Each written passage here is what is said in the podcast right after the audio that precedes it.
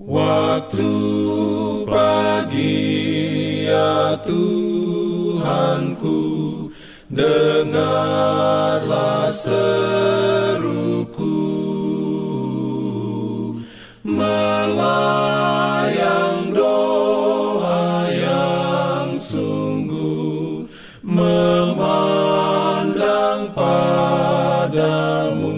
Selamat pagi pendengar Radio Advent Suara Pengharapan Mari mendengarkan suara Tuhan melalui tulisan pena inspirasi Yesus, nama di atas segala nama.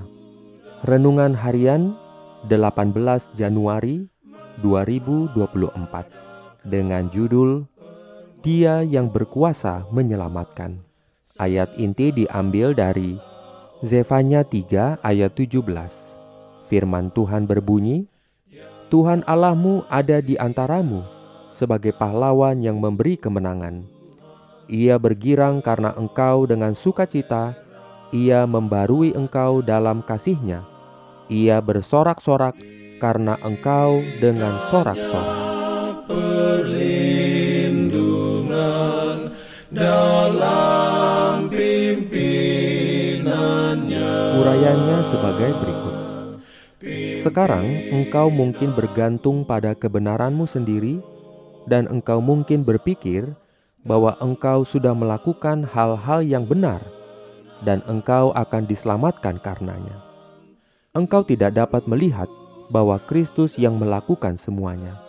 Pertama-tama, saya harus bertobat.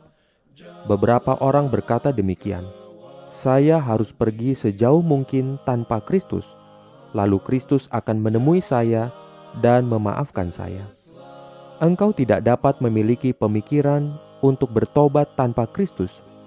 Engkau tidak akan mempunyai kecenderungan untuk datang kepadanya kecuali jika ia menggerakkan kecenderunganmu dan memberikan kesan atas roh kudusnya pada pikiran manusia.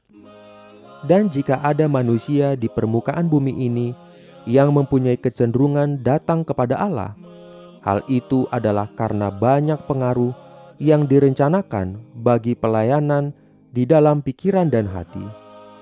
Pengaruh-pengaruh itu memanggil untuk suatu persekutuan dengan Allah dan apresiasi terhadap apa yang Allah telah lakukan baginya. Lalu, marilah kita jangan berkata bahwa kita dapat bertobat dengan kekuatan kita sendiri, lalu Kristus akan memaafkan kita. Kenyataannya memang bukan karena kekuatan kita, Kemurahan Allah lah yang mengampuni kita. Adalah kemurahan Allah yang menuntun kita kepada kuasanya pada pertobatan. Oleh karena itu, semuanya adalah Yesus Kristus. Segalanya karena Dia. Dialah segalanya, dan engkau akan mengembalikan kemuliaan kepada Allah. Mengapa engkau tidak memberikan tanggapan saat bertemu bersama pada pertemuan-pertemuanmu? mengapa engkau tidak memiliki pengaruh dari Roh Allah pada saat kasih Yesus dan penyelamatan diberikan kepadamu?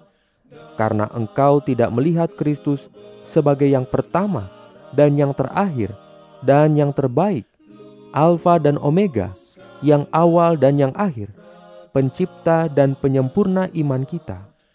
Engkau tidak menyadari hal ini, karena itu engkau tetap berada di dalam dosamu. Mengapa demikian? Karena setan ada di sini, bergumul dan berjuang bagi jiwa-jiwa manusia.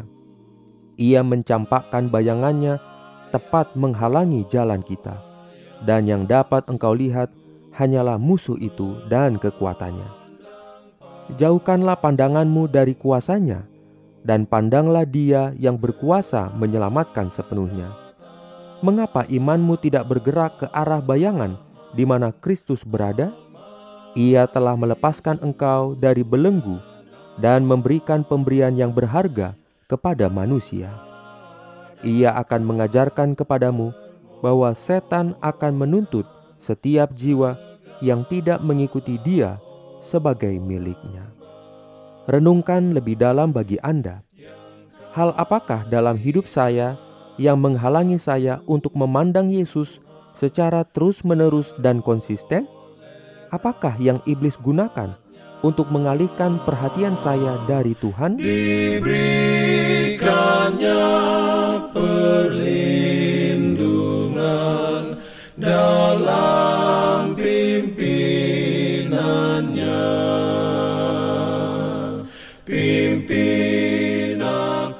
Jangan lupa untuk melanjutkan bacaan Alkitab sedunia. Percayalah kepada nabi-nabinya yang untuk hari ini melanjutkan dari buku Yesaya pasal 56. Selamat beraktivitas hari ini. Tuhan memberkati kita semua.